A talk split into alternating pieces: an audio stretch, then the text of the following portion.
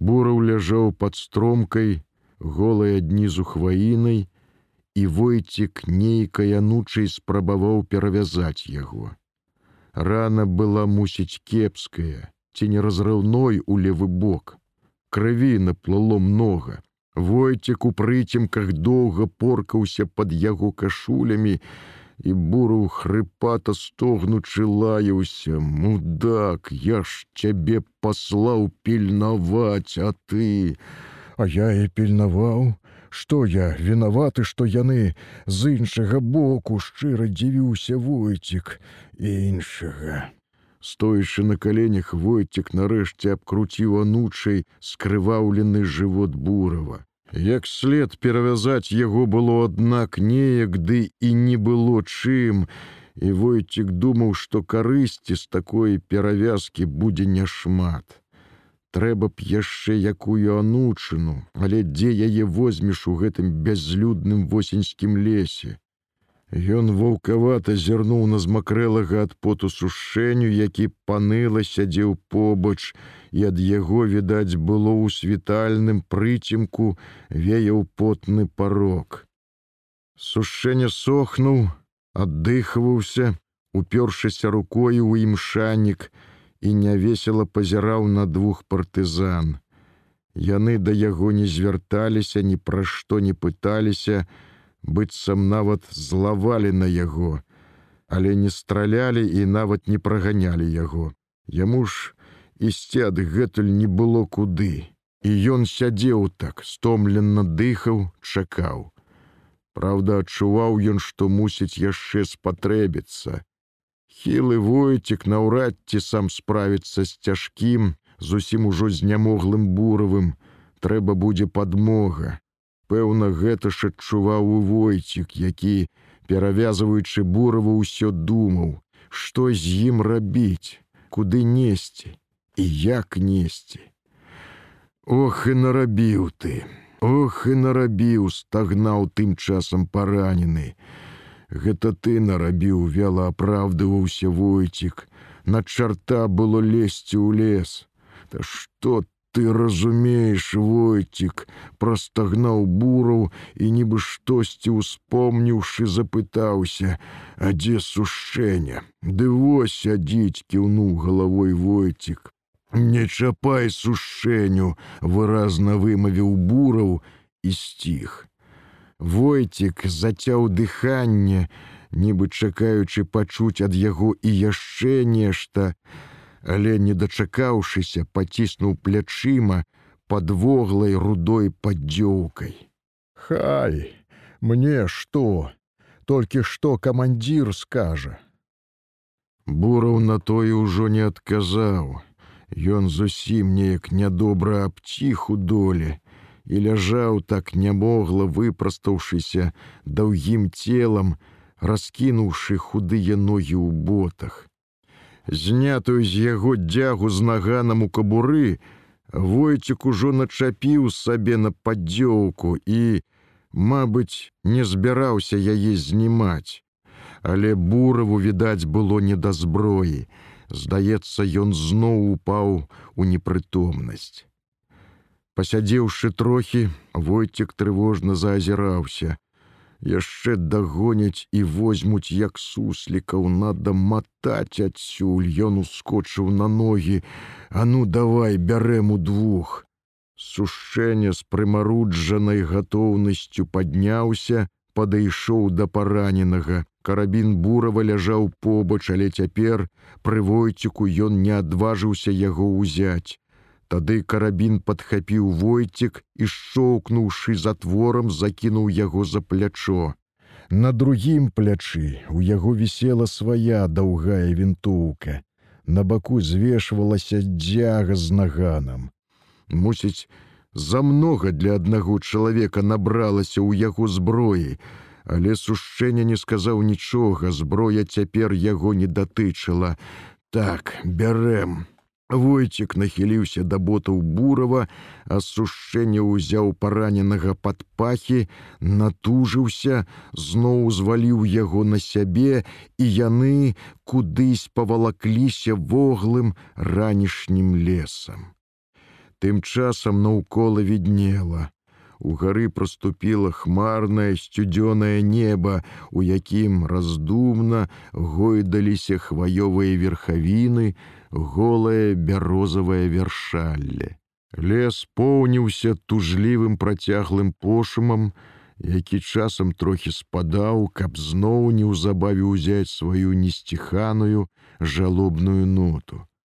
Усё наваколы рэдкія хвоі і кустоўя ядлоўцу і голы танканогі беразняк, а таксама дол беламошнік сачылася набрынялай золкай сырызнай. Нават апалы сушняк пад ботамі трускаў амаль нячутна, ледзь хруспаў у чэзлай траве на мокрым імху. Зрэшты сушэння ўжо не асцерагаўся нічога. Азірацца яму было надта нязручна, і ён спадзяваўся на войціка. Ужо войцік павінен глядзець. Ён ведаў адно цярпліва валачы на сабе цяжкое цела бурава, таксама ў набрынялым вільгаццю і крывёй шынялі. І толькі прыслухоўваўся час ад часу да яго дыхання на плячы, якое часцяком зусім замірала. І тады ён думаў, хоць бы не сканаў гэты бураў. Ён не ведаў яшчэ, чым той цяпер яму неабходны, але ён чуў, што той сказаў войціку, і нібыта перед заквелую саломінку ухапіўся за тыя ягоныя словы. Ён згледзеў у іх нейкую нечаканую нітачку, якая, можа, вывела б яго да сваіх, калі б не ўратавала жыццё, дык хоць засцерагла ад недарэчнай пагібелі пасля ўсяго, што з ім здарылася, ён ужо не спадзяваўся на жыццё. Для яго найвялікшай удачай было б загінуць па-людску, пакінуўшы па сабе хоць някепскую памяць. З нейкага часу ён ужо адчаяўся пазбыцца пагібелі. Жыццё для яго зрабілася недасяжным. Ведаў, стае пасткі, куды яго загналі ворагі ці абставіны, мусіць паратунку не будзе. Але хоць бы не спляжыць жыццё самых дарагіх ягоных істот, анелі і сына. Пра тое ён думаў усе гэтыя тыдні, хоць, канешне, інстынктыўна яшчэ турбаваўся, тузаўся за жыццё, нібы на што спадзяваўся хіба на цуд, але мусіць нейкі цуд і адбыўся, ягоная пагібель адсоўвалася. Што будзе далей, сушэнне аднак не меў уяўлення. Яны доўга брылі так з параненым, якога няспрытна коўталі на сушэнюўскіх плячах і так і гэтак. Ён ужо добра адарваў іхнія руки, а ў сушэнні яшчэ і падкошываліся ногі.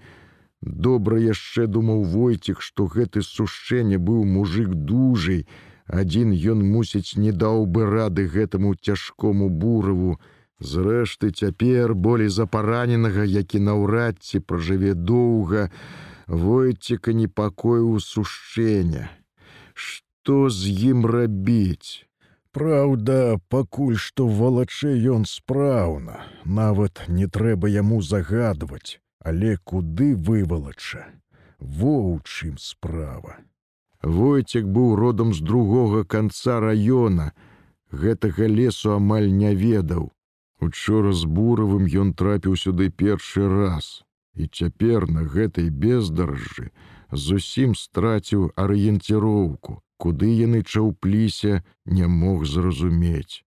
Мабыць, трэба было папытацца ў сушэнні, але не мог жа ён тым паказаць, што не ведае дарогі і не знае, куды ісці. Так ён можа даждацца, што гэта сушэнне яшчэ прывядзе абодвух у нейкую пастку, у самае паліцэйскае логава, тады ўжо кранты будуць абодвум, І чаму яны не застрэлілі яго ў масцішчы або на выгані каля рэчкі, навошта павалакліся з ім аж у лес. Але гэта ўсё бураў. Ці не за гэтую сваю дурноту ён цяпер і расплочваецца крывёю. Але сушэню ўсё ж нейкі незразумелы здраднік. Глядзі, вынес з нямоглага бурава і цяпер не спрабую уцячы, брыдзе, куды і навошта. Мабыць жа ведае, што чакае яго, як вынесе, А во, ідзе. Зноў жа, А як бы ён абышоўся адзін без сушчэнні. Дзівосная сітуацыя, нічога не скажаш, заклапочана думаў войцік. Ён азіраўся вакол, спрабуючы ўбачыць якую знаёмую прыкмету, каб пазнаць месца, дзе яны учора ехалі конна ў масцішча. Толькі нічога знаёмага не траплялася ў гэтым лесе. Вакол цягнуліся здзічэлыя баравыя нетры, шумелі пагойдваючы верхавінамі стромкія хвоі, ім ні разу не трапілася ні сцежкі, ніякой лесавой дарожкі. Добра яшчэ, што дол амаль скрозь быў раўнінны, не трэба было абыходзіць балоты, але ўсё роўна яны знемагліся. Мусіць, усё ж памагаты з войціка быў кепскі, мокрыя боты параненага, Усе лузгаліся з яго рук, сушэння тузаўся, пакуль стомлена хакаючы не прахрыпеў з-пад бурава: вы кіньце я сам. Войцік і кінуў. Сапраўды яму хапала дзвюх цяжкіх вінтовак на вузкіх плячах, нагана. Ён таксама уходаўся за гэтую ноч, ды яшчэ пачаў балець страўнік, а звалася яго застарэлая язва. Маўчала амаль тыдзень, а во напомніла. Ну, але, мабыць, турбота ў гэтыя ночы яму было мала.